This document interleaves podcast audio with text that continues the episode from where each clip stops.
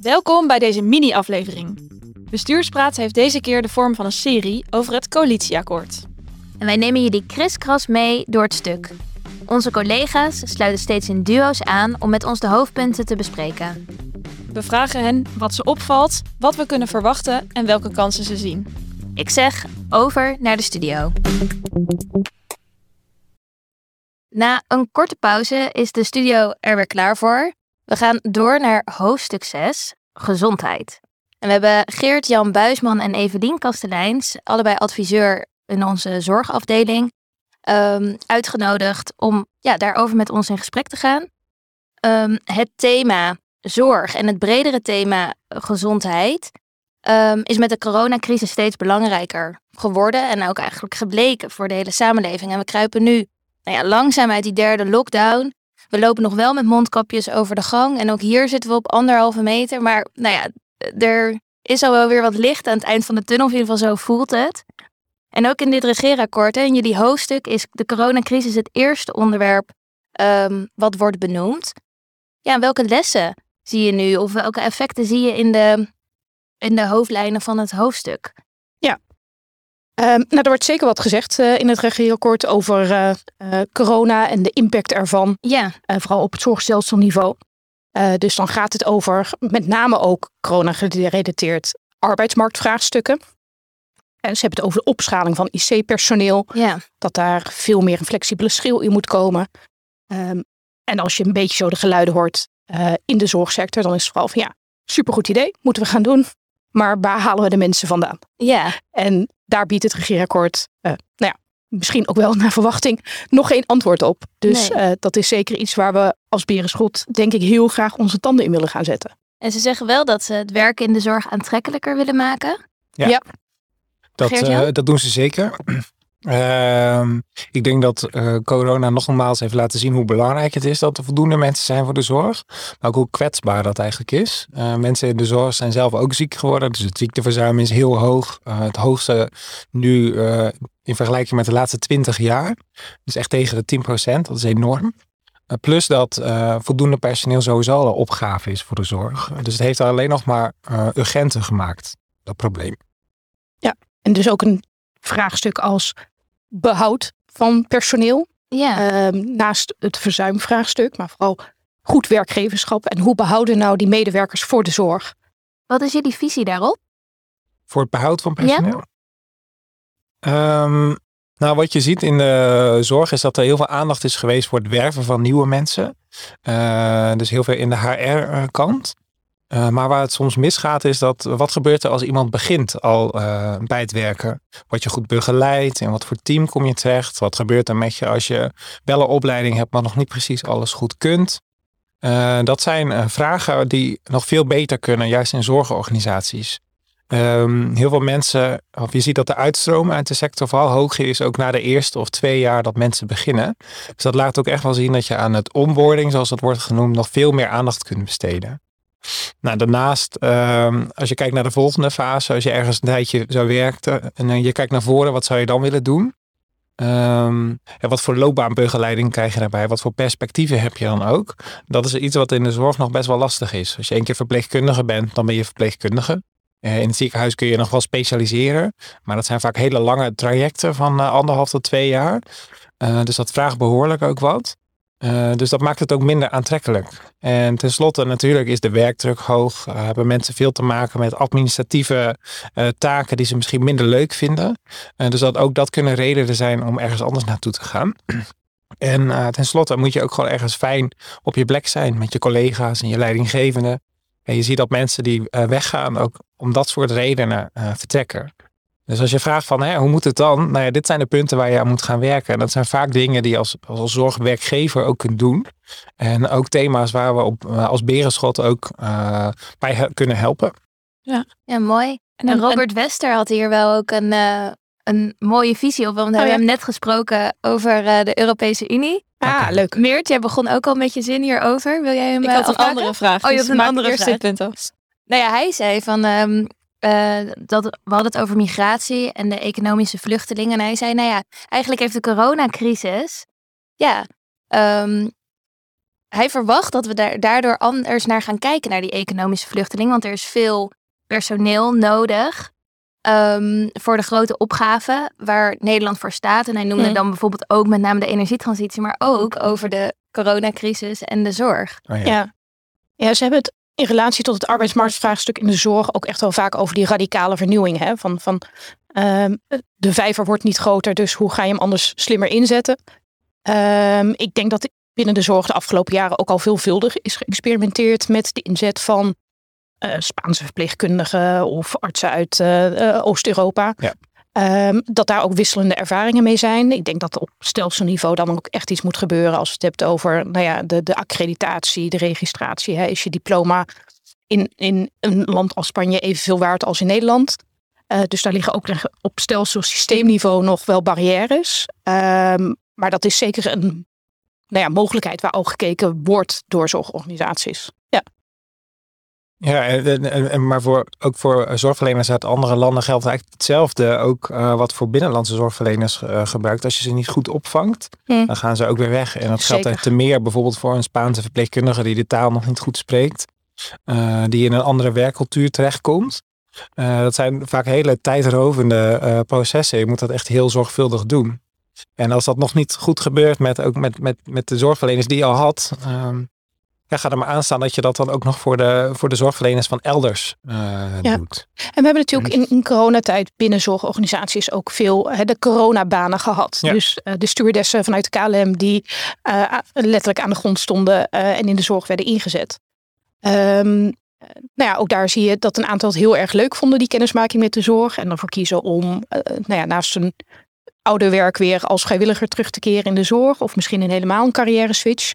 Eh, maar het is zeer afhankelijk van het goed werkgeverschap op organisatieniveau. Of men ook nou ja, een positieve ervaring heeft met de zorg.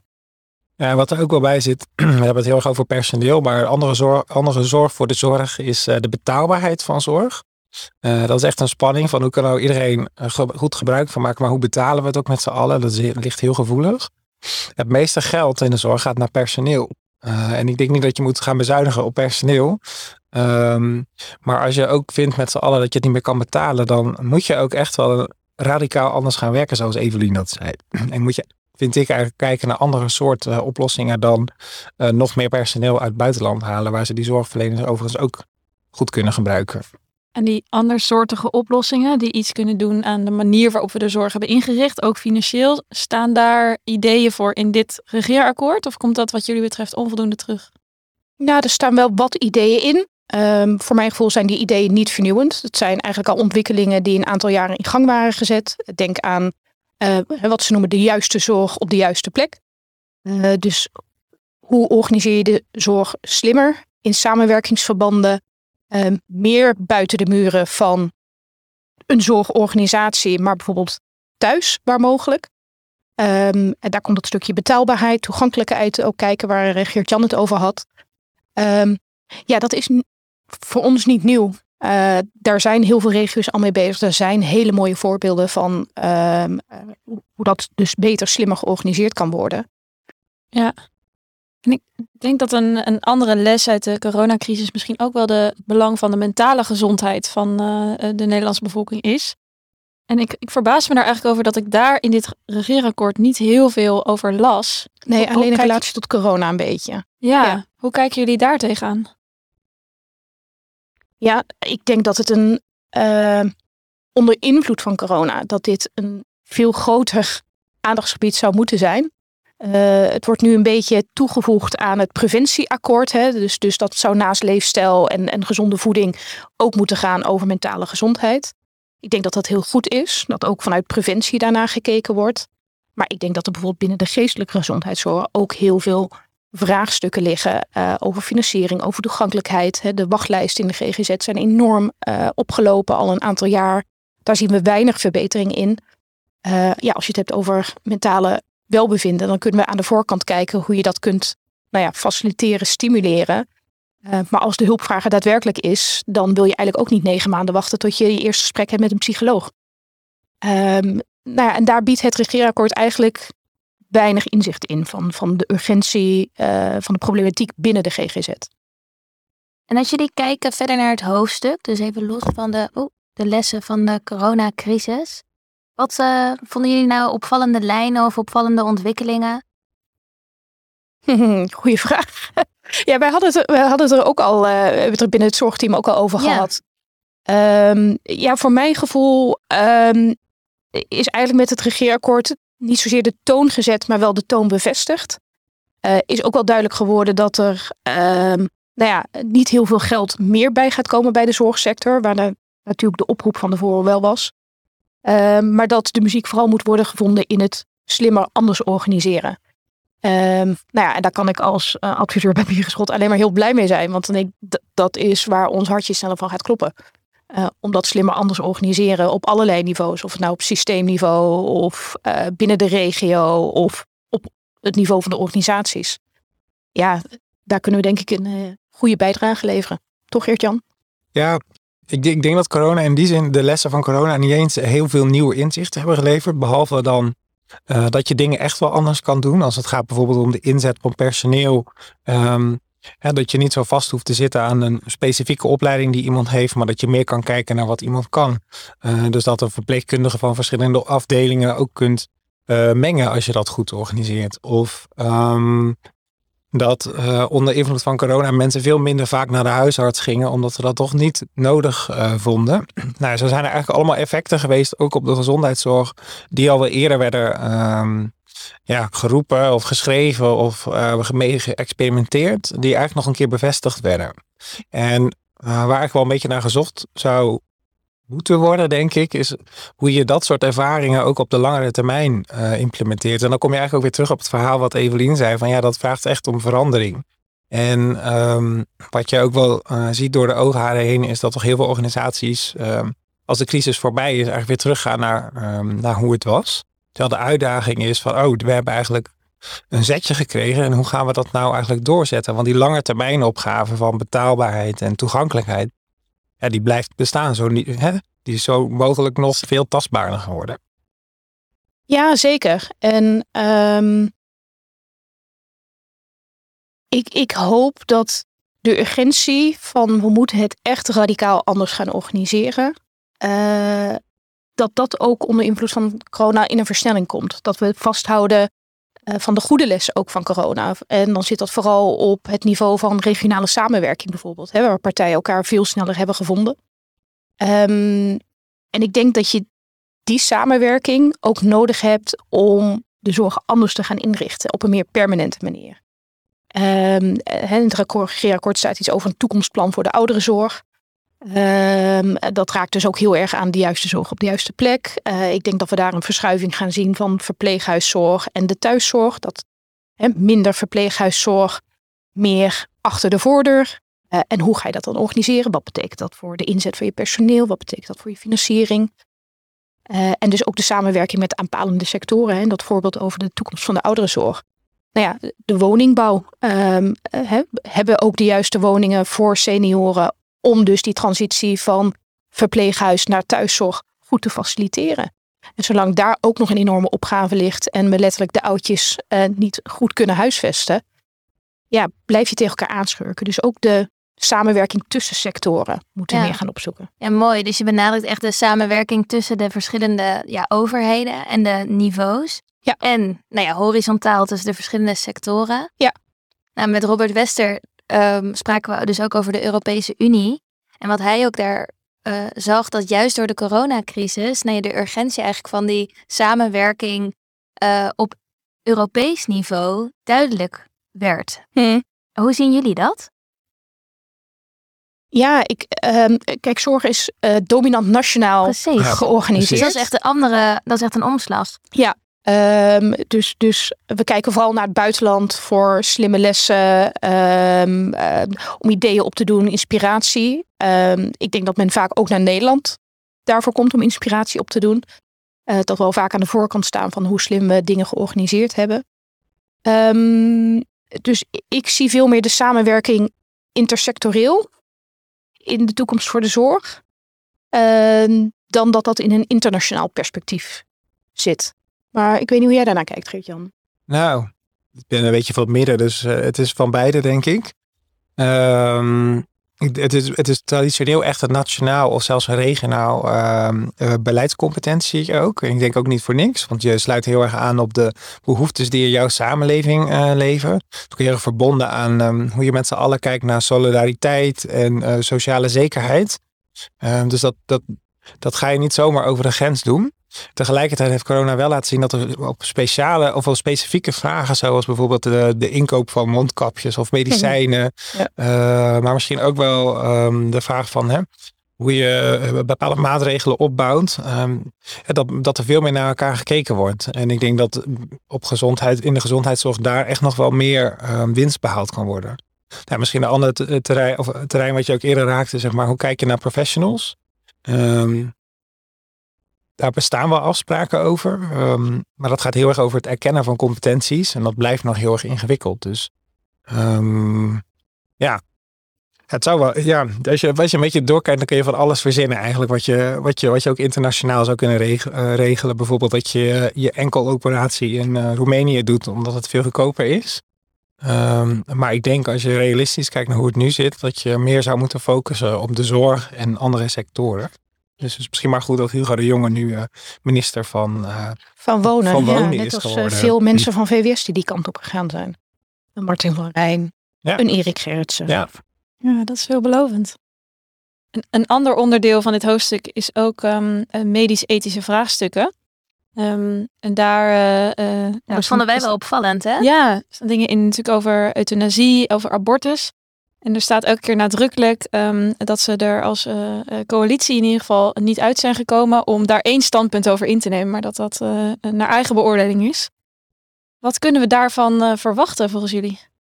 de eerste stappen zijn al gezet. Ja, Precies, GroenLinks. vanochtend ja. in het nieuws. Ja. ja. Vertel. Dus dat, het, de, de, de, de vragen worden, uh, de vragen dus in dit geval de bedenktijd over abortus, dat wordt nu in de Kamer uh, besproken in plaats van binnen een coalitie dichtgetimmerd. Uh, ik denk met name inderdaad dat partijen daar niet over uitkomen. En dit is dan het beste uh, wat ze eruit konden halen. Dus ik denk dat het heel interessant gaat worden dat het dus niet dichtgetikt is. Uh, maar dat er juist ruimte is ook om, om dat debat ook echt te voeren.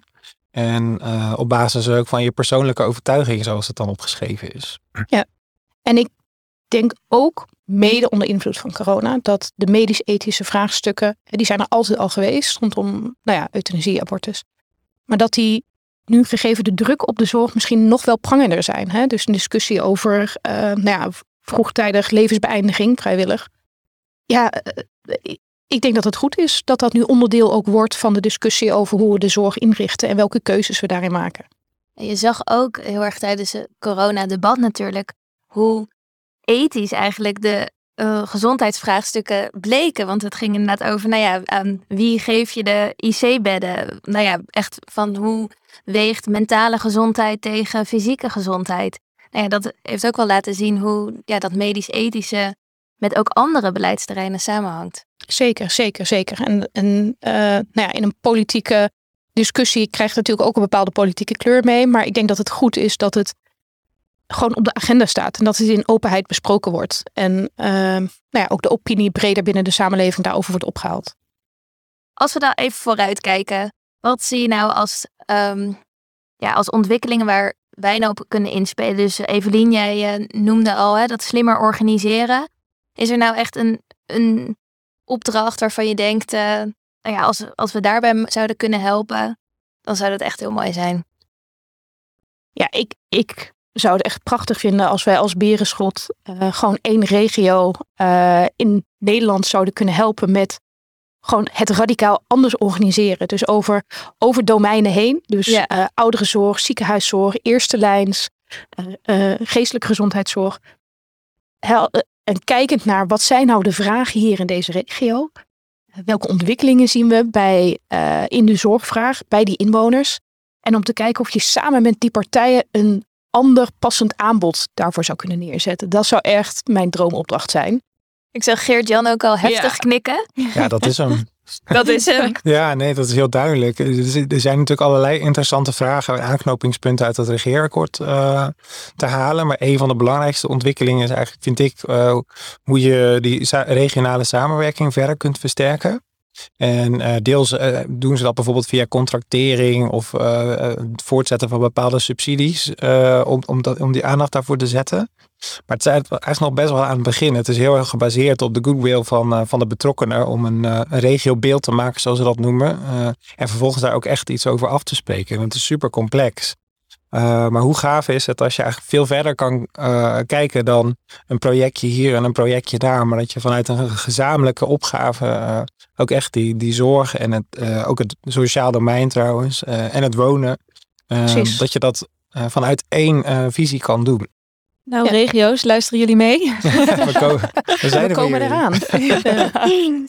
dus volgens mij moeten we gaan wisselen van de wacht. Helemaal goed. Heel erg bedankt. Volgens mij een mooi gesprek. Jullie ook bedankt. Ja, leuk om te doen.